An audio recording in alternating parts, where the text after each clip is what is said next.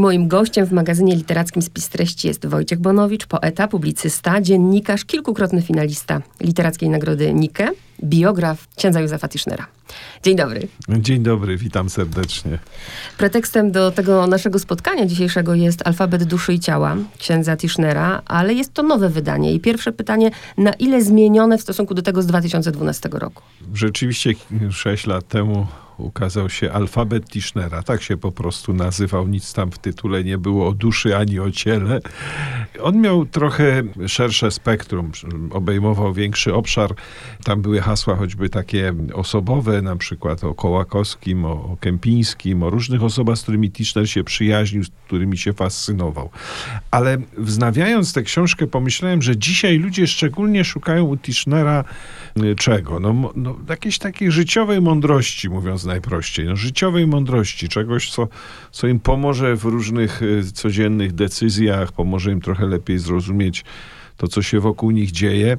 Dlatego ułożyłem alfabet y, zatytułowany no trochę tak prowokująco, że alfabet duszy i ciała, to znaczy alfabet, który ma dotyczyć nie tylko tego, co, co na stole, i ale też duszy, to znaczy tego wszystkiego, co, co ten świat w gruncie rzeczy przenika i co jest najważniejsze.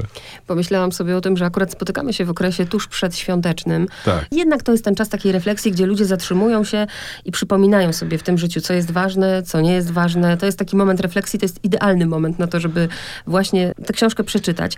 Mamy tutaj różnego rodzaju hasła, ale zanim do tych haseł dojdziemy, to musiał pan wykonać też ogrom pracy, bo pan jest specjalistą od księdza Tischnera, ale żeby przygotować taką książkę, trzeba się było przekopać przez mnóstwo chyba literatury, wywiadów, mhm. audycji.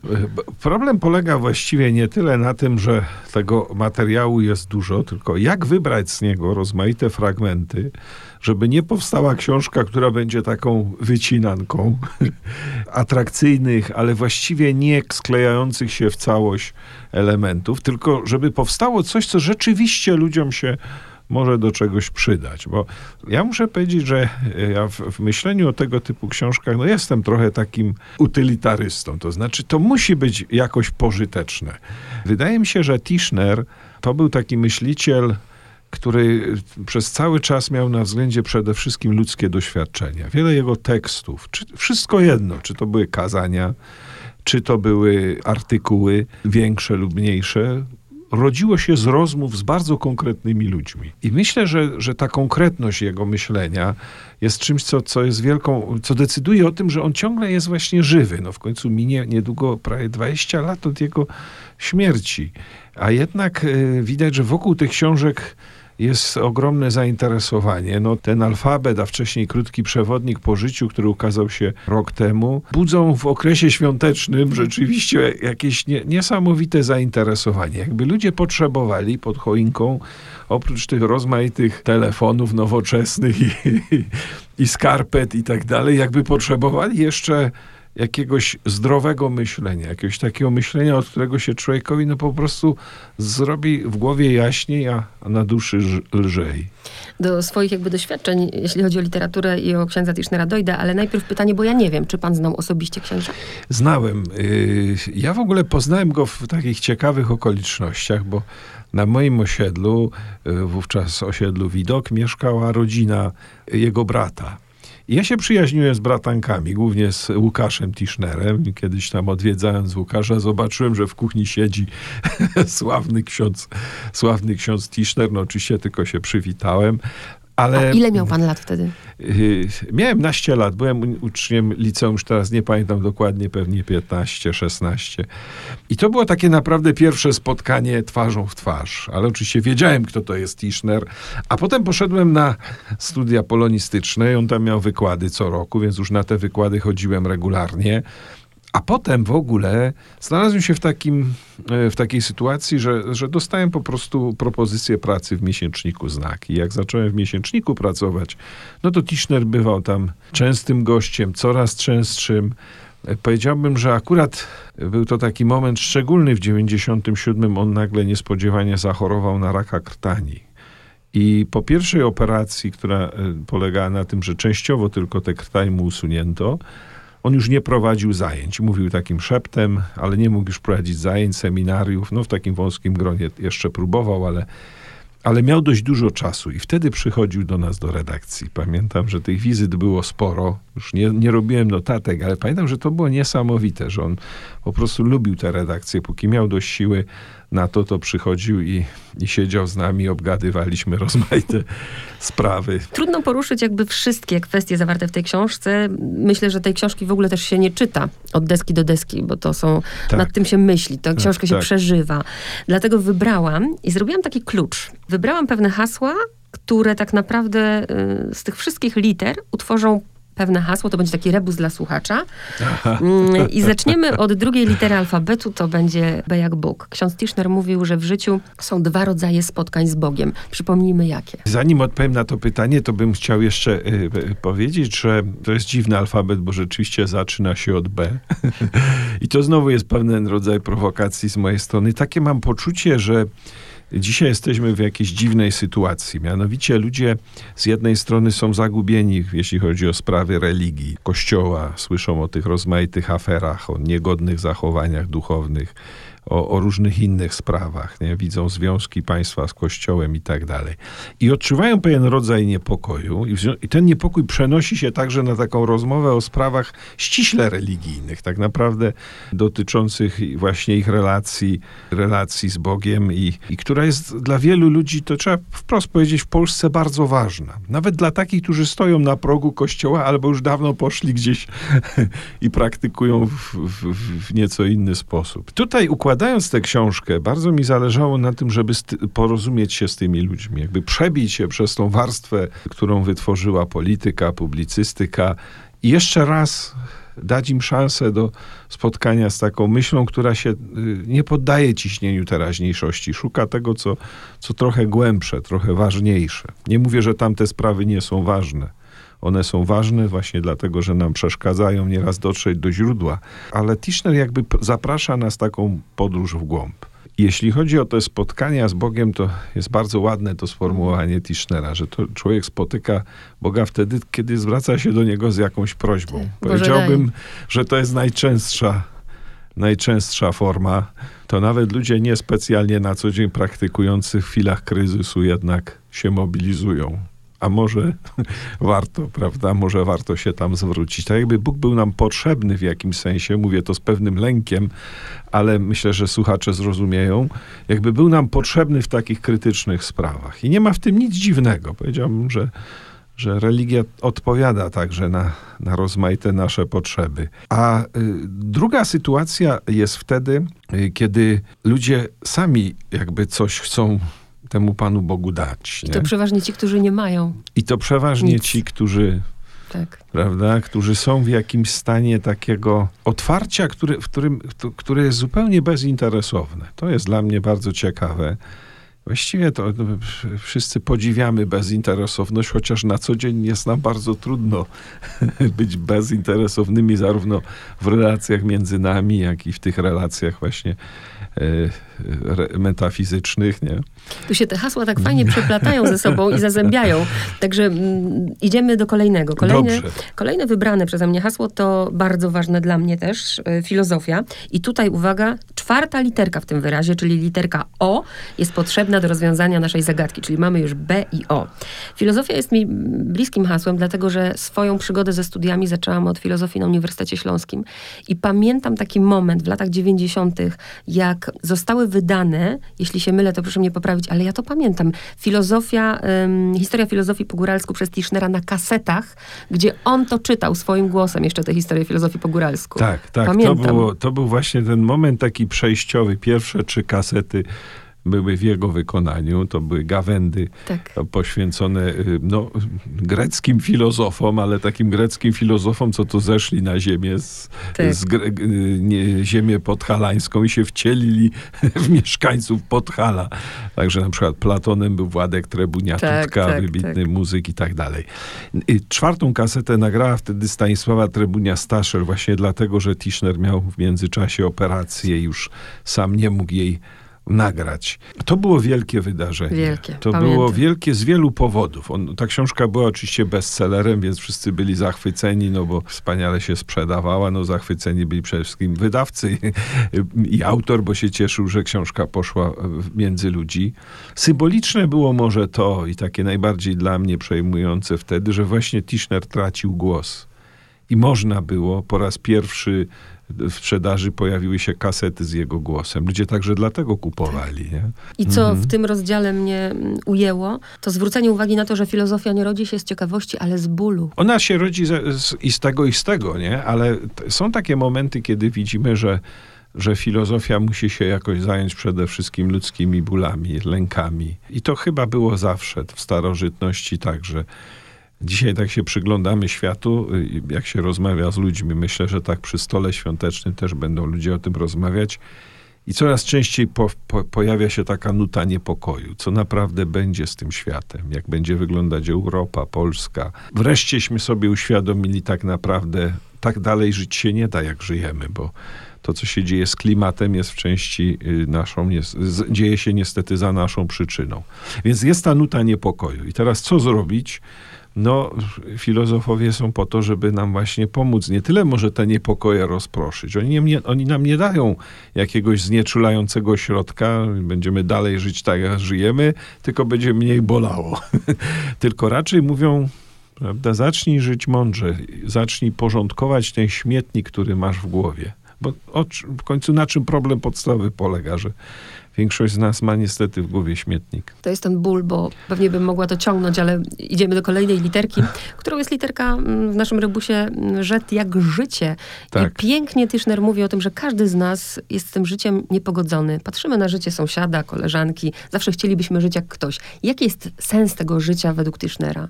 No, jest to na pewno życie, które zmierza w stronę jednak jakiejś ofiary. Słowo ofiara jest dzisiaj niepopularne. Raczej nawet w polszczyźnie jest taki problem, że słowo ofiara jest dwuznaczne, bo się mówi o kimś, kto jest niezaradny, że jest ofiarą, nie? Ofiarą losu. Ale dla Tischnera to słowo bardzo wiele znaczy. Powiedziałbym, znaczy nie tylko w języku religijnym, ale w ogóle, szerzej. Znaczy, Wszyscy w pewnym większym lub mniejszym stopniu w gruncie rzeczy musimy złożyć ofiarę dla innych w swoim życiu. Inaczej ono będzie bez sensu. To jest ofiara z czasu, jaki poświęcają rodzice dzieciom. To jest ofiara sił oczywiście. To jest ofiara potem, którą dzieci zwracają, kiedy się opiekują rodzicami, kiedy o nich się troszczą, kiedy troszczą się o siebie nawzajem i tak dalej, i tak dalej. Często nawet praca jest po prostu ofiarą, bo oczywiście jest wynagradzana, ale tak naprawdę no, zużywamy w niej coś, co, co, czego się nie da zmierzyć do końca. Nie? I teraz to jest bardzo ważne w myśleniu Tischnera, że życie jest jakoś darowane, ofiarowane komuś. No, takie życie, które będzie się samo sobą zajmowało w jego oczach, nie ma specjalnego sensu, a chociażby go intrygowało. Dlaczego tak właśnie jest, że czasem człowiek sam się sobą zajmuje, nie? I tylko sobą. Myślę, że jak Tischner dzisiaj by spojrzał na, na to, co się dzieje, to by się za głowę złapał. Ja nie wiem.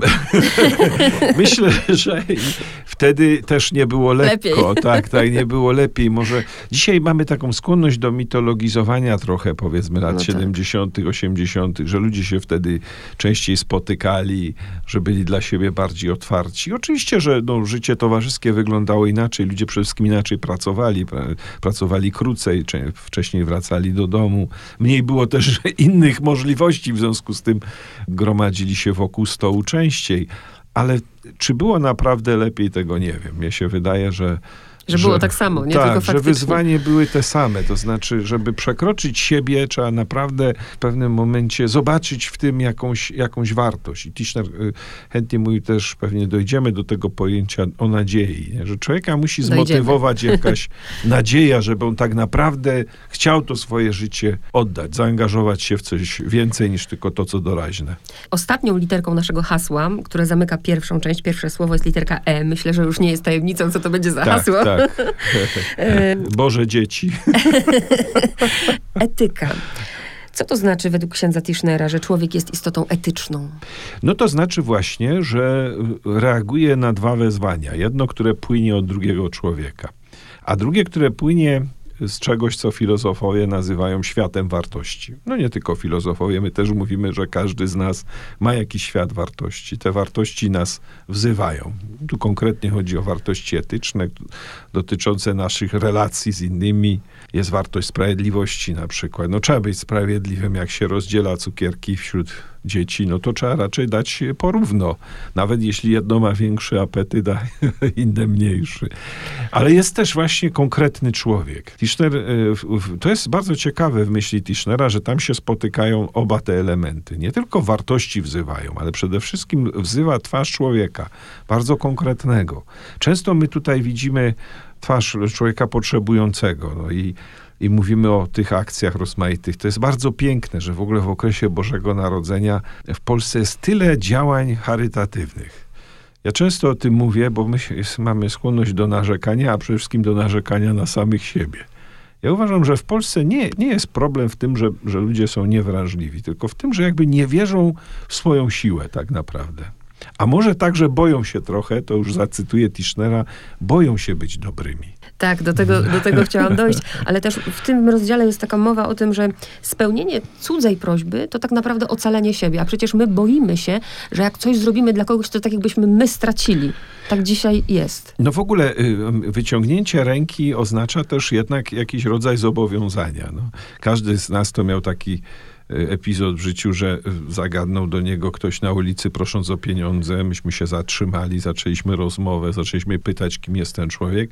Zna to uczucie, że nie wiadomo, jak dalece można się poświęcić, prawda, w, tym, w tej konkretnej chwili. No, najłatwiej dać pieniądz i odejść, ale, ale wiemy, że to nie wystarczy.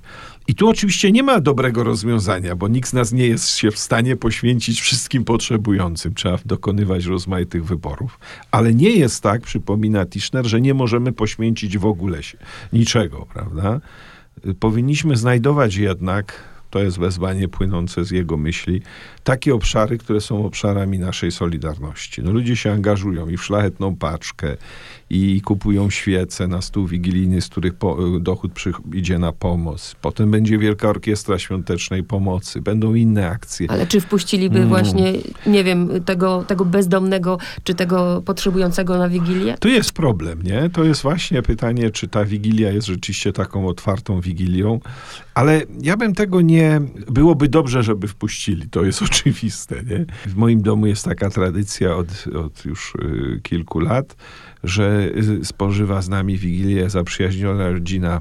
Tam jest brat i siostra, których rodzice już zmarli.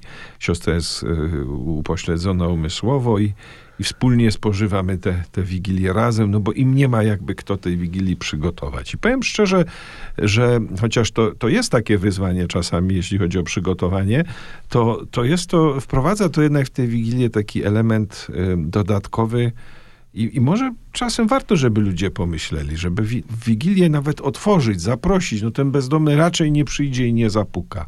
Ale może jest za ścianą ktoś, kto jest sam w ten wieczór, nie? Albo piętro niżej, albo dwa domy obok. To by było dobre. Pierwsza część hasła rozwiązana. Zaczynamy oczywiście tak. drugą literką N, co nie jest tajemnicą jak nadzieja. Ksiądz Tischner bardzo mądrze i tak powiedział, że jego główna robota to praca nad nadzieją. No nadzieja jest, myślę, podstawowym pojęciem w jego słowniku. I, I w ogóle on sam, ja to często powtarzam, ale nie zaszkodzi powtórzyć i w RMF Classic, bo w końcu to jest postać, jak wspomnieliśmy, troszkę y, daleko od nas, prawda? Już troszeczkę czasu upłynęło, od, odkąd chodził po tej ziemi, że on sam był chodzącą nadzieją. Tak nawet ładnie ktoś się wyraził i ja lubię to określenie. Bo to nie jest sztuka też, powiedziałbym, mówić ludziom, o, miejcie nadzieję, prawda? Tylko sztuka jest tak żyć, żeby z tego życia naszego, ze sposobu bycia, płynęła dla ludzi jakaś nadzieja. O, skoro jest taki człowiek, to, to warto żyć, może warto spróbować, może warto właśnie być dobrym, nie? Skoro on tak nie tylko mówi, ale on taki jest po prostu. To są takie osobowości, przy których, nie wiem, to można metaforycznie powiedzieć, człowiek się jakoś wewnętrznie prostuje. Ja pamiętam, jak on przychodził do redakcji, to, to myśmy się wszyscy jakoś tak mobilizowali. Nie tylko dlatego, że, że, że, że wchodził sławny ksiądz Tischner, ale że w nim było coś takiego bardzo mobilizującego, takiego energetyzującego, że nam się żyć chciało, chciało się nam robić. No. Są takie osoby. One się nawet nieraz nie muszą odzywać, ale samo siedzenie przy nich powoduje, że człowiekowi jakoś się robi lepiej na duszy. I myślę, że kiedy mówimy o nadziei, to, to, to ja, kiedy mowa o nadziei w kontekście Tischnera, to zawsze ja myślę o osobie, że nadzieja jest, że tak powiem, ściśle powiązana z osobą. Być osobą, która daje nadzieję. To jest wyzwanie. Nie szukać nadziei jakoś po omacku w słowach tych czy innych, tylko być osobą, która daje innym nadzieję. Pięknie powiedziane. W kolejnym pojęciu nasza rebusowa literka jest trzecią literką. Wybrałam ciało. Ciało, które, no i znów nie chcę, że mitologizuje przeszłość, ale ciało dzisiaj rzeczywiście jest tą wartością absolutną, co ksiądz Tischner też zauważa. Tak, w ogóle według niego nasze życie w dużej mierze obraca się wokół wokół spraw ciała. Tak jakby, jakby się spotkały takie dwie trochę y, przeciwstawne tendencje, bo z jednej strony no, ciało na plakatach, prawda, ciało w reklamie, ciało jest obsługiwane na, na rozmaite sposoby, nie? kremy takie czy inne. Nie mam nic przeciwko kremom, bo dzięki nim się zimę spokojnie przeżywa, twarz odpoczywa i tak dalej. To są wszystko rzeczy ważne, ale jakby w tym się pojawia pewna nuta fałszu, kiedy dochodzi do, do problemów z tym ciałem, prawda? Kiedy ciało się starzeje, słabnie, robi się nieszczególnie atrakcyjne i tak dalej, i tak dalej jakby przestawało być wtedy ważne.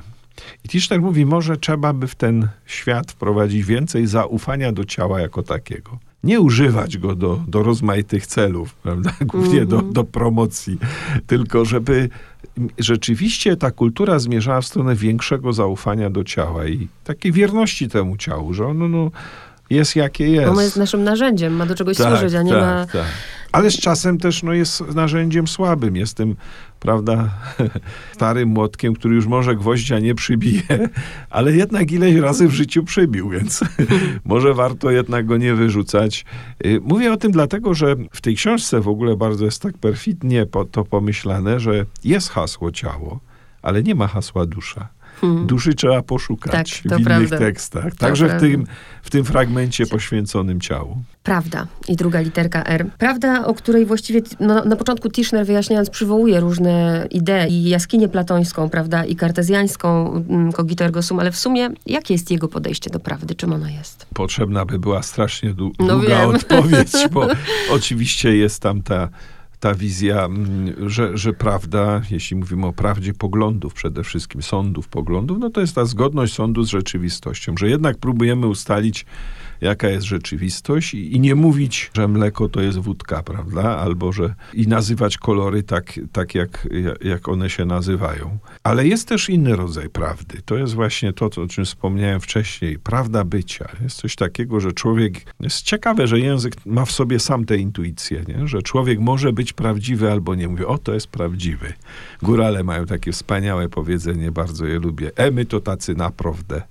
Nie, nie ma już żadnego naprawdę kto. No, nie, my to tacy naprawdę i wystarczy. To znaczy, kiedy mają poczucie takiej dumy, że coś zrobili, udała się robota, patrzą na swoje dzieło i mówią, no naprawdę, no to się udało, nie? W tej pracy się wyraziła jakby jakaś prawda o, o człowieku. Więc to jest, myślę, też bardzo ważne, że, żeby o tym, o tym znaczeniu słowa prawda nie zapominać, że człowiek żyje w jakiś taki sposób, który w innych budzi zaufanie. Już nie tylko, nie tylko nadzieję, ale budzi takie zaufanie, że o, ten człowiek wie, o co w życiu chodzi, nie?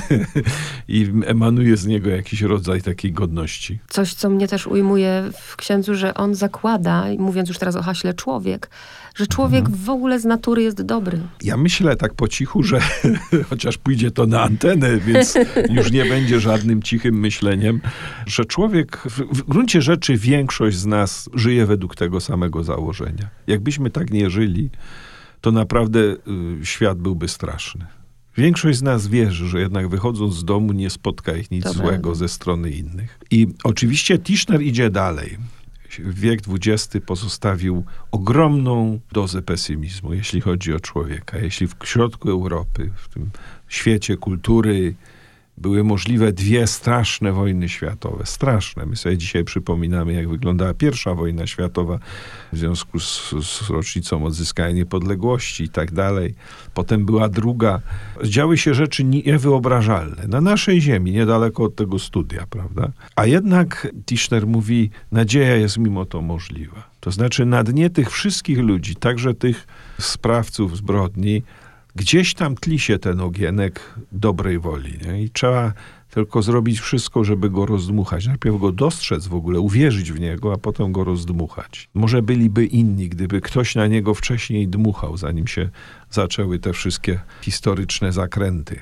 Dzisiaj wspomniałem o tym, jest trochę takiego niepokoju w Europie, w świecie. No ale do czego się mamy odwołać? Jedyne, do czego się możemy odwołać, to nie jest przemoc, tylko dobra wola. Jak odwołamy się do przemocy, no to będzie wojna wszystkich ze wszystkimi. Kolejne hasło też jest związane z tym, o czym mówimy. Ja to połączyłam, tak jak jest zresztą w, w hasło się znalazło dobro i zło i mamy tak. głoskę dzy w naszym haśle. Więc no nie ma. Myślę, że jedno musi być obok drugiego, bo gdyby nie było, nie byłoby zła, to nie wiedzielibyśmy, czym jest dobro. Tu jest ciekawa sprawa, bo rzeczywiście pojęcia dobra i zła to są takie pojęcia, które ba, którymi bardzo często się posługujemy i myślę, że bardzo często nie myślimy tak naprawdę o, o, o nich jako o parze. To znaczy na przykład skupiamy się właśnie na, na złu, jakby nie próbując zobaczyć, że w kontekście jest jakieś dobro. Nie chcę mówić tu banałów, bo niestety w krótkich wypowiedziach no, łatwo wpaść w taki rodzaj tak, tak, tak. pewnego banału, ale, ale myślę, że Tischner był po prostu kimś, kto nam starał się przypomnieć, że myślenie w kategoriach dobra i zła jest takim podstawowym myśleniem, którego nie można zarzucać. Człowiek musi jednak dokonywać pewnego rachunku tego, co robi. Nie? I to powiedziałbym wszystko jedno, czy jest religijny, czy niereligijny, musi co jakiś czas, i to nie chodzi o to, żeby inni go rozliczyli, tylko samego siebie rozliczyć. Tu też jest ten moment, o którym mm. mówiliśmy wcześniej, że człowiek boi się być dobry, ale też mm. ja jak Tischnera czytam, bo pierwszy raz go czytałam przecież 10 lat temu, można powiedzieć 20 nawet więcej, zmieniam się ja, Dlatego zmienia się mój Tischner, jak ja to mówię. Zmienia się Aha. kontekst, zmienia się moje rozumienie jego tekstów.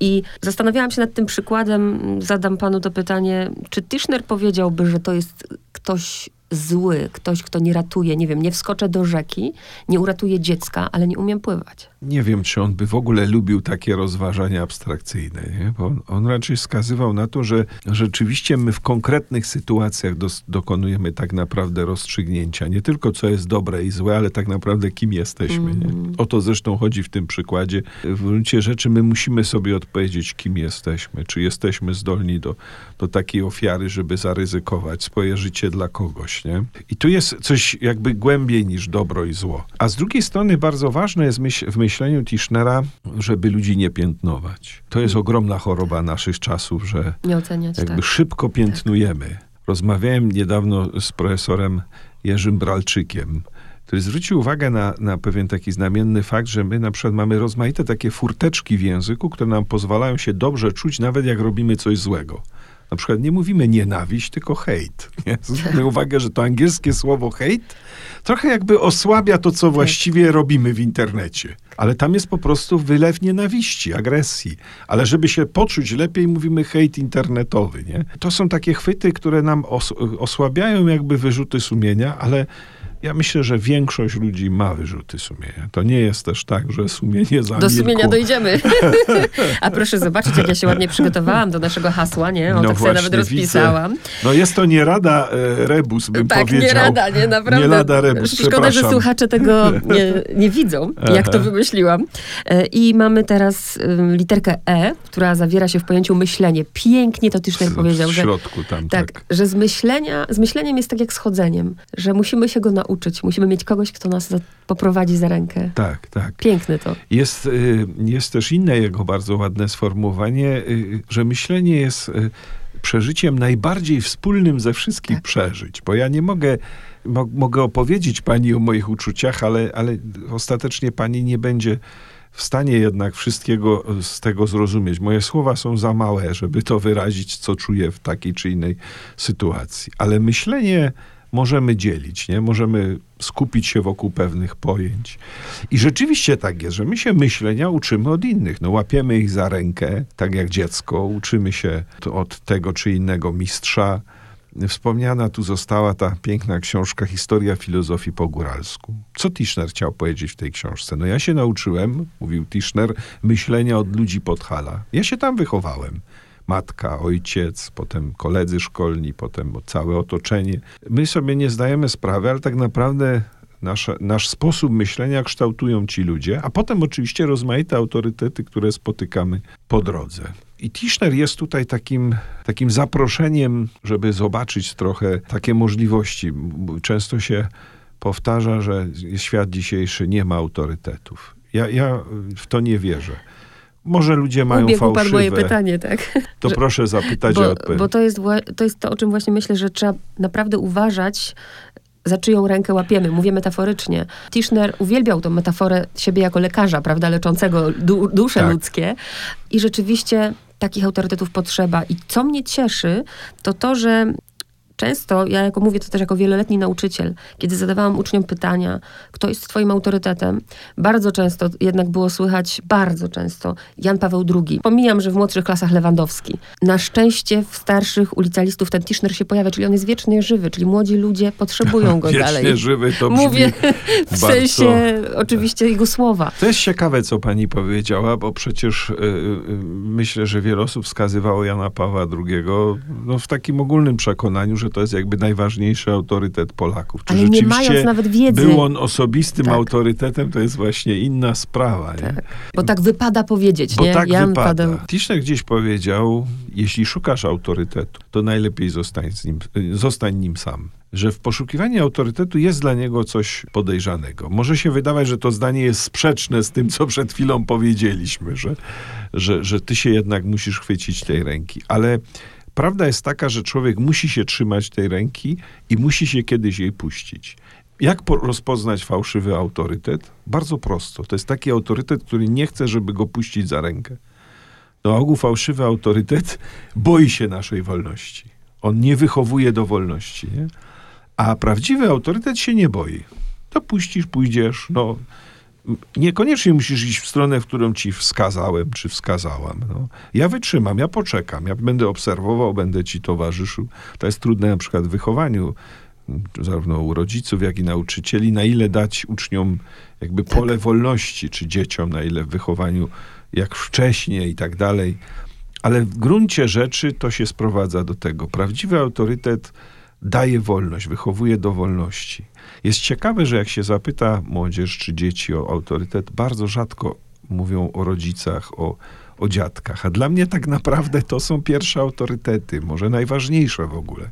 I to nie chodzi o to, że postępowali tak czy inaczej, tylko że miałem przy nich takie poczucie, że mogę być sobą przy wszystkich wymaganiach, przy wszystkich problemach, jakie były, czy w domu rodzinnym, czy, czy, czy, czy wokół. Miałem Miłość takie- bezwarunkowa. tak, Mhm. tak. I że mogę sobą być, znaczy mogę pójść w tym kierunku i ostatecznie on jest akceptowany, prawda, w ten kierunek, który wybrałem. To szczęście też, bo myślę, że nie każdy może No tak myślę, powiedzieć. że nie? szczęście, tak, tak, tak.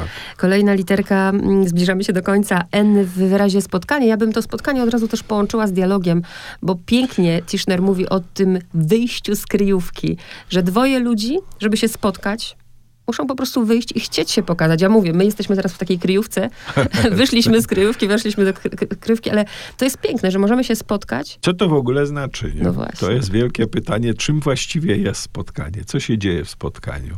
Metafora kryjówki jest bardzo dobrą metaforą, moim zdaniem. Tischner użył jej jeszcze w latach 70., pisał wtedy o wybitnym psychiatrze Antonim Kępińskim i o jego obserwacjach dotyczących chorych psychicznie, ale przeniósł pewne obserwacje jakby szerzej na, na, na społeczeństwo w ogóle. Rzeczywiście człowiek bardzo często ma skłonność do zamykania się w kryjówce. Czasem bardzo dosłownie, nie? Rygluje drzwi, zamyka, prawda, kładzie szlabany i tak dalej. Ale tam chodzi o coś więcej, o jakąś pewną, powiedziałbym, skazę duchową. To znaczy człowiek rzeczywiście jest nie, żyje w nieufności wobec świata. Nie? nie wierzy w dobrą wolę ani swoją, ani innych. I wtedy ta kryjówka się robi naprawdę nieznośna. Nie? Co jakiś czas wychynie, rozejrzy się, ale potem się znowu e, chowa. Co więcej, może nawet mieć bardzo dużo kontaktów z innymi ludźmi, ale oni też są kryjówkowiczami. I wtedy nie dochodzi do spotkań. Od razu przypomina mi się o to, o czym mówimy Tak. w y, gra. rozdział gra tutaj w krótkim przewodniku po życiu. Nie? Tak, wtedy Mhm. człowiek prowadzi jakąś Tak. grę ze światem, taką trochę właśnie no, wchowanego. Żeby się spotkać z drugim, trzeba zaryzykować. To niestety jest ryzyko. To jeżeli ktoś mówi, że, że w życiu nie będzie, nie będzie ryzyka, to, to, to oszukuje. Są tacy nauczyciele, którzy mówią, jak dobrze wyrachujesz, nie będziesz musiał dużo ry- ryzykować, ale każdy, kto, nie wiem, w ekonomii wiadomo, że trzeba ryzykować. I tak samo jest dokładnie w życiu. Trzeba zaryzykować. Trzeba, spotkanie jest pewnym ryzykiem. Wyjście do człowieka, pójście na, na, na spotkanie publiczne, ale też no, spotkanie prywatne. To jest... Nawet nie pomyślałam, układając sobie tę rozmowę w głowie, że tak pięknie nam się to hasło teraz y, przejdzie nam się z jednego hasła w drugie, bo przedostatnim jest miłość z literką I. Miłość przecież jest tym wyborem, tak samo jak tu. To spotkanie jest elementem ryzyka. Ja wybieram, prawda? Tutaj Tischner jest e, dosyć oryginalny, bo raczej potocznym takim przekonaniu miłość ewentualnie owocuje wyborem, ale nie jest wyborem jako taka. A Tischner mówi nie, właśnie klasyczni autorzy zawsze wskazywali na to, że miłość jest wyborem, Wyborem. że ten element woli nie jest bardzo ważny, że to nie chodzi tylko o pożądanie, pragnienie, tak. podobanie Mhm. się sobie, zauroczenie. To wszystko nie jest jeszcze miłością. Miłością jest ten akt ja chcę, prawda? Chcę, żebyś była ze mną, chcę, żebyś był ze mną. I to jest, powiedziałbym, nie księżowskie. To znowu jest bardzo mocno filozoficzne. To, to dostrzeżenie, że tak naprawdę, jeśli miłość ma być miłością, czyli ma być czymś jednak trwałym, budującym, jakoś wzajemnie tych ludzi napędzającym, to musi być ten element woli w nich. To nie może być tylko taka, takie przygodowe, no będziemy razem coś przeżywać, pojedziemy, prawda, tu czy tam, będziemy urządzać dom, ale że właśnie urządzanie domu, wyjazd, budowanie wspólnego świata jest oparte na pewnym pewnej podstawie, którą jest, jest ten wybór. Ja chcę z tobą być, ja chcę podjąć to ryzyko, prawda? Chcę wziąć odpowiedzialność za, za nasze życie wspólne, za ciebie, za twoje zdrowie. Zauważyłem zresztą, to jest bardzo ciekawe, że w tym świecie, który się tak oskarża często o taką labilność, o relatywizację wszystkiego, jak się mówi na publicznych spotkaniach o wierności, to ludzie milkną i słuchają. Jest bardzo ciekawe, że, pamię- że jakby ludzie w gruncie rzeczy tego bardzo pragną. Pragną, tak. Żeby to było naprawdę, nie? żeby to się naprawdę zdarzyło. Żeby to życie nie było takie cały czas w zawijasach i zakrętasach, tylko żeby ono naprawdę miało w sobie jakąś siłę. Nie? I, i tu Tischner moim zdaniem trafia bardzo dobrze w nerw. Nie wiem, czy współczesności jako takiej, ale polskiego społeczeństwa na pewno. I zamykam to hasłem sumienie, chociaż to jeszcze nie koniec naszej rozmowy, literka E w środku. Hasło proste, Boże Narodzenie, wyszło, do tego jeszcze dojdę, ale to sumienie właśnie, czym jest? Myślę, że ta klasyczna metafora, która mówi, że sumienie jest głosem odzywającym się we wnętrzu człowieka, któremu odradza albo doradza, częściej może nawet odradza, co zrobić, albo mu mówi już po fakcie, że może by jednak wrócić i, i coś naprawić. To jest to dobra metafora. Rzeczywiście sumienie jest czymś, w czym też jakby wyraża się najgłębsza prawda o człowieku, czego on naprawdę chce. Gdyby w nas nie było tego, bo jakoś próbuję teraz to zebrać wszystko razem, Mhm. gdyby w nas nie było tego pragnienia dobra, nie? to sumienie by się nie odzywało. No, zrobiłeś tak, prawda, a nie inaczej. Ludzie często wspominają jakieś y, złe uczynki, które zrobili wiele lat wcześniej. Rozmawiałem niedawno z kimś, kto w dzieciństwie skrzywdził ptaka, małego ptaka, po prostu go udusił. Jak długo pamięta ten fakt, spowiadał się z niego już, prawda? I, a jednak ten fakt y, idzie z nim przez całe życie. Nie?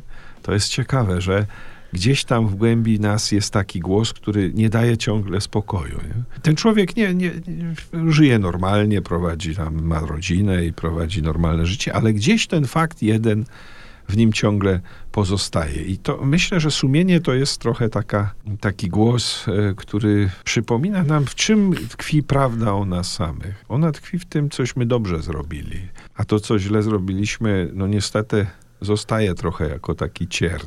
Bardzo trudno ten cierń usunąć, a może czasem nawet e, niedobrze by się stało, gdybyśmy go za łatwo usunęli. Jak tak słucham, to zaraz mi się przypomina to, że ustawią przed nami ekrany i przejrzą nasze uczynki. Tak, Ale- tak. To jest najstraszniejszy Tak. sen człowieka, nie? że nagle wyświetlą mu na ekranie całe jego życie. Bo tutaj ludzie, bo mówiliśmy o takich może y, o, o złu trochę, ale jest też mas, masę takich niedoskonałości drobnych, których nie chcielibyśmy oglądać, których byśmy się się wstydzili, gdyby je pokazano. Powiem coś może bardzo przejmującego, ale jest to myśl, do której jestem dość przywiązany. Jeden z e, przyjaciół filozofów, Jacek Filek, napisał kiedyś takie zdanie, bardzo w duchu Tischnera, że problemem XX wieku nie był ogrom zła, jakie się stało, tylko ogrom dobra, jakiegośmy nie zrobili. I to jest wielka sprawa, żeby sobie to uświadomić, że problemem każdego z nas nie jest takie czy inne zło. Problemem tego człowieka też nie jest to, że kiedyś jako dziecko, powiedzmy głupie, e, zabił ptaka. Tylko problemem jest ogrom dobra, którego się nie zrobi, które gdybyśmy się nim zajęli, to byśmy na tamto już nie mieli, na zło już nie mieli za dużo czasu kiedy układałam to hasło właśnie pod święta Boże Narodzenie, pierwsze co, jak już, jak już to hasło wyszło, to pomyślałam, i nie mówię tego pesymistycznie, mhm. że zaraz po Bożym Narodzeniu, czy po Narodzeniu myślę o śmierci. Czyli kolejnym hasłem, y, które jest y, tutaj w pojęciach Tischnera i o tym, jak pięknie. On oczywiście to mówi w innym kontekście, w kontekście opowieści, że my nie jesteśmy tu po to, żeby przeżyć. Nie jesteśmy tu po to, żeby przeżyć. Jesteśmy tu po to, żeby żyć, żeby powiedzieć, że dobre było. Właśnie to, o czym mówimy, prawda? Tak, o tym, tak. ile dobrych rzeczy nie zrobiliśmy. I no a ile zrobiliśmy, ile się udało. Tak. No to jest takie największe poczucie szczęścia, kiedy człowiek odchodzi, patrzy wstecz i myśli sobie, o rany, naprawdę udało się, to znaczy zrobiłem tyle dobrego. My sobie tak odsuwamy na co dzień myślenie o, o śmierci, o tym, że naprawdę ja z- zawsze myślę o tym, na co dzień myślę o tym, że ludzie zapominają o tym, że jesteśmy tu tylko na chwilę. Naprawdę na chwilę. I piękna jest ta historia o, nie, nie pamiętam jego naz- zwyrtała, tak? Muzykant. Tak, tak. Nie, niech ją pan przytoczy, ona jest piękna. Który przychodzi do nieba, nie? Muzykant góralski, który przychodzi do wrót niebieskich, puka i pada pytanie z drugiej strony, kto? A zwyrta odpowiada, jo. Prawda? Znaczy, nie musi się nawet przedstawiać, tak. no jak nie wiedzą kto. Jaki jo, no zwyrtała. I to Prawda? jest właśnie to, że tam jesteśmy... To jest opowieść oczywiście zaczerpnięta Stetmajera, która tak. pięknie pokazuje też to, co jest, czym jest ludzka godność. No to jest w tym Josie właśnie wyraża. To jestem ja, prawda? To, nie ja. doktor, nie profesor, nie... Tak, tak. tak. Tylko, tylko ja, w pewnym sensie przychodzi nagie ja do nieba, nie? Tak.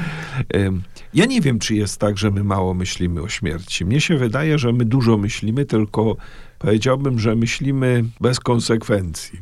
Tak jakby jest, ona jest, ale, nie, ale mnie nie tak. dotknie, tak? Trochę tak i trochę też, co my możemy zrobić z tym, prawda? Y, myślimy o śmierci. Jestem teraz w takim momencie, moja przyjaciółka miała bardzo skomplikowaną operację. I myślę oczywiście wtedy, że mogę ją stracić, nie? że może się zdarzyć tak, że jest taki lęk, jest on naturalny, życzę jak najlepiej, modlę się w jej intencji i tak dalej. Ale jakby co, co powinno być konsekwencją, skoro było na przykład tyle śmierci w historii XX wieku? skoro dzisiaj na świecie jest tyle, nie? No jakieś przemeblowanie swojego życia, no jakaś zmiana, nie? Jakaś zmiana naszego własnego życia, jakaś zmiana społeczna. To życie nie może być tak drapieżne, jak jest. Ekonomia nie może być tak drapieżna, nie? Relacje międzyludzkie muszą wrócić do jakiegoś urodzinnienia, ja to często mówię. One się muszą stać cieplejsze, bo inaczej po prostu zwariujemy w tym świecie, który budujemy, nie? Więc y, problemem nie jest to, że my nie wiemy o śmierci. Ja bym powiedział, że dowiadujemy się o wielu śmierciach, z którymi nie mamy nic wspólnego. No bo cóż mam wspólnego z tym, że w Chinach jakiś autobus spadł do przepaści. Jest mi bardzo przykro z tego powodu, smutno, ale, ale nie mogę nic zrobić. Ale mogę coś zrobić w świecie, który mnie otacza. Mogę zwolnić na autostradzie, prawda? Mogę jechać ostrożniej. Mogę innych pouczyć, żeby jechali ostrożniej, nie? I tak dalej. Tej konsekwencji moim zdaniem brakuje i, i myślę, że do takiej konsekwencji trochę nas taki autor jak Tischner wzywa. Chciałabym jeszcze o parę rzeczy dopytać. Na przykład pan mówił, że miał zajęcia z Tischnerem. Jakim był wykładowcą? Ja studiowałem polonistykę i Tischner miał tam wykład taki dodatkowy. To nie był wykład obowiązkowy. Można było chodzić, nie musiało się, a jednak sala była zawsze pełna. Dlaczego? Bardzo prosta odpowiedź. On po prostu był, e, posługiwał się przepięknym językiem. On mówił wspaniale. Na polonistyce było wielu wybitnych wykładowców. Naprawdę było w kim wybierać. Ale jednak Tischner wykraczał ponad wszystkie, wszystko, co tam y, zobaczyłem i usłyszałem.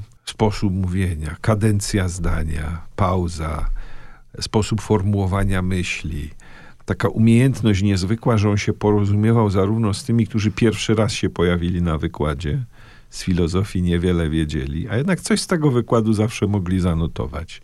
i z tymi, którzy chodzili regularnie, już znali jego sposób myślenia, znali te teksty, które omawiał a jednak mieli poczucie, że jeszcze coś nowego stamtąd wynoszą.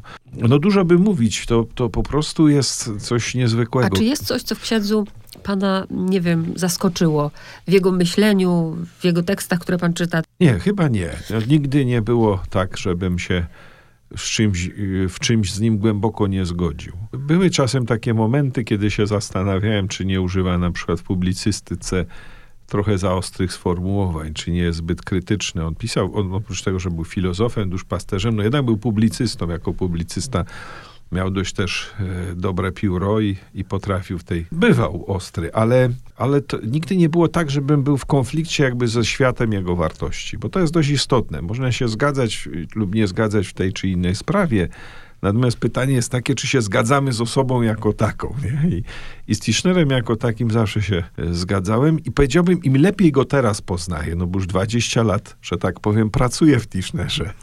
Jestem opiekunem jego archiwum, jeżdżę po, po świecie, po, po różnych miastach, zbieram rozmaite ślady, listy i tak dalej, co tylko się da.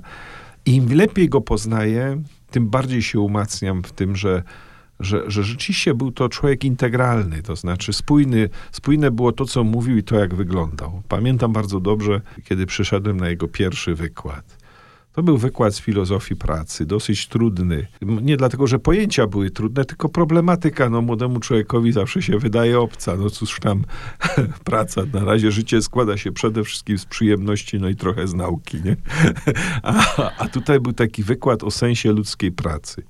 Ale pa pamiętam, że popatrzyłem na Tischnera, jak on wygląda. Sztruksowe, wyświecone spodnie, taka kurteczka y, granatowa, zapinana. Gdzieś tam spodniej wygląda koloratka. Tischner zawsze w koloradce, chyba że na wakacjach, ale tak to zawsze w koloradce na tych wykładach. I pomyślałem sobie, że jest jakaś niesamowita spójność pomiędzy tym, co on mówi i tym, jak on wygląda, nie? jak on żyje. Widać było, że to jest człowiek, który jakby wszystko, co najważniejsze, oddał myśleniu. Nie? Nieważne jest, czy ma rzeczy wyglądające modnie i tak dalej. Jeździł za granicę, mógł sobie różne rzeczy kupić, ale, ale to nie było ważne. Jak zbierałem materiały do jego biografii, to pamiętam, ktoś opowiedział taką historię, mianowicie pytał Tischnera, gdzie on ma samochód, kiedy sobie kupi samochód. I Tischner wtedy pokazał szafę z książkami i mówi, tu stoi. I to nie, nie tylko dlatego, że wszystkie pieniądze, które zarabiał, wydawał na książki, ale też dlatego, że to było coś, na czym jechał przez całe życie. Potem oczywiście kupił samochód, no bo człowiek aktywny musi mieć samochód, w tym nie ma nic y, złego, nie? Ale stosunkowo późno, bo po 40 już był dobrze. Więc y, myślę sobie o tej integralności, że jak patrzyło się na niego, jak się z nim siedziało, jak się z nim rozmawiało, miałem takie poczucie, że ten człowiek jest spójny, że on po prostu, jak on mówi o o spotkaniu, o dialogu, to, to, to jest jego sprawa życiowa. Nie? On chce się spotykać z ludźmi tak, jak o tym mówi.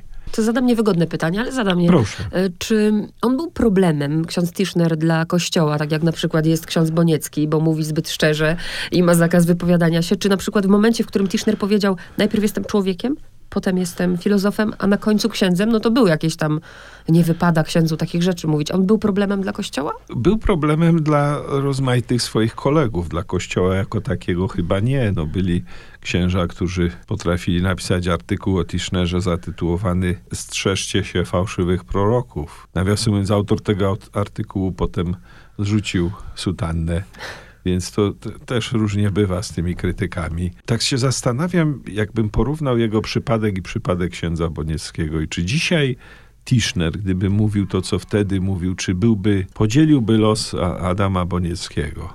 Wydaje mi się, że nie, bo jednak po pierwsze jest coś takiego jak pozycja profesora w, w kościele. Jeżeli ten profesor no, nie zrobi jakichś rzeczy naprawdę strasznych albo wbrew doktrynie, to jednak ma, ma dość dobrą pozycję. Po drugie, przypadek Bonieckiego jest dla mnie kompletnie niezrozumiały. Znaczy, ja tego po prostu nie rozumiem. Komuś się wydaje, że w XXI wieku, zamykając usta, daje świadectwo wierności Ewangelii.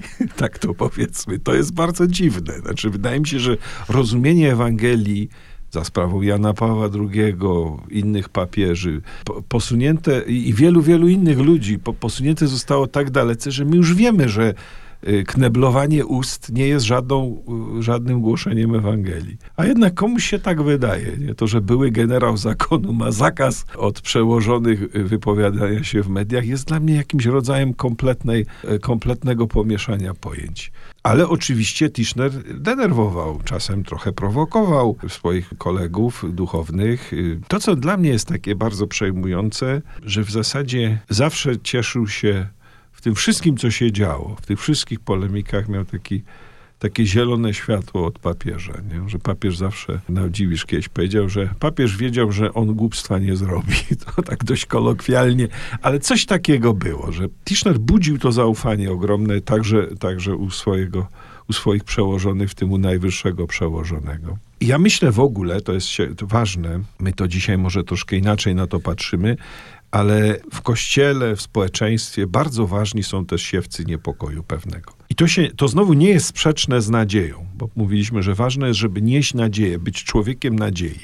Ale można być człowiekiem nadziei, siejąc trochę niepokoju. Tam, gdzie on jest potrzebny. Gdzie ludzie właśnie się na przykład za bardzo wygodnie umościli, prawda, w swoim życiu, w swoich partiach, na swoich stołkach, w swoich plebaniach i tak dalej, w swoich domach zamkniętych na spust i, za, i z zasuwanymi bramami z alarmem. I nagle trzeba ich obudzić i powiedzieć, że świat tak nie może wyglądać, jak wy go budujecie, nie? Bo za chwilę przyjdzie coś, co, co zmiecie ten świat. I tutaj Tischner, powiedziałbym, nie wykraczając nigdy poza doktrynę Kościoła, no miał jednak tę śmiałość, żeby pokazywać pewne obyczajowe problemy, pewne problemy ze słowem, konflikt, w jaki się e, Kościół wdał e, z, z państwem, potem współpra próby współpracy z tym państwem. Mówię teraz o tym, co się działo po roku 89. Tu myślę jest wielką wartością to, co on nam zostawił. To jest ciekawe, że ludzie też teraz zaczynają wracać do jego publicystyki z lat 90. Ciekawią się nim ludzie młodzi, którzy nie mają prawa go pamiętać. Jak to jest możliwe? Był taki facet, który tak otwarcie pisał, ksiądz? Przypomina mi się, jak pan mówi, ma pan 15 lat i w kuchni siedzi Tischner. Wierzy pan w przypadki czy w przeznaczenie? W życiu by pan nie pomyślał, patrząc wtedy, że będzie jego biografem. Tak, ja nawet o tym nie, po, nie myślałem wtedy, kiedy już go bliżej poznałem. Yy, powiem, że yy, bardziej przejmuje mnie pewna scena. Rzadko o niej mówię, ale może tutaj jest okazja żeby o tym powiedzieć. Był rok 98, Tischner był już po operacji pierwszej, bardzo schudł, po, po, no lampy też spowodowały, że, że stracił włosy i tak dalej. I wydawnictwo Znak organizowało spotkanie w szkole teatralnej, będące promocją jego książek. Stałem przy drzwiach, żeby wyłapywać takich ważnych gości i nagle pojawił się Tischner. Część osób go w ogóle nie rozpoznała. Część go rozpoznała i była skonsternowana, no bo pamiętano go jako wielkiego, potężnego chłopa, zdrowego, prawda? A tutaj nagle stoi taki szczupły mężczyzna z, z krótki, krótko obcięty. I wtedy złapałem go za rękę i go wprowadziłem do tej szkoły teatralnej. Tak go poprowadziłem przez tych ludzi aż do, do sali. Tam już ktoś inny go przejął do sali widowiskowej, gdzie się odbywało to spotkanie. I muszę powiedzieć, że do dzisiaj ta scena budzi we mnie rodzaj takiego niezwykłego wzruszenia, że że może to był ten moment symboliczny, nie? Że, że to ja będę kimś, kto, kto mu będzie potem towarzyszył, nie? kto musi mu pomóc teraz, kiedy on już sam nie, nie może nie? przemówić i tak dalej. Mój związek z Tischnerem jest o tyle ciekawy, że ja nigdy nie byłem w grupie jakichś takich jego wielkich wyznawców. Ja w ogóle nie lubię takich grup, które się tworzą wokół znanych ludzi i tam łażą za nimi bez przerwy i, i, i zawracają głowę. Nie? Chociaż czasem to jest pożyteczne. Rzeczywiście, jak ktoś chce wejść w czyjeś myślenie, no musi się mu też do, dobrze przyjrzeć. Więc ja nie byłem w grupie takich uczniów, którzy musieli być wszędzie, gdzie był Tischner. I mój wybór Tischnera jest takim wyborem, powiedziałbym, yy, opartym nie tyle na emocjach, tylko na uznaniu, że tam się naprawdę dzieje coś, coś ważnego. Że to jest myślenie, które w Polsce może w Europie, może w świecie w ogóle bardzo potrzebne. Mam takie przekonanie, że przynajmniej trzy takie osoby w XX wieku w polskiej kulturze żyły, które miały nam do powiedzenia coś niesłychanie istotnego.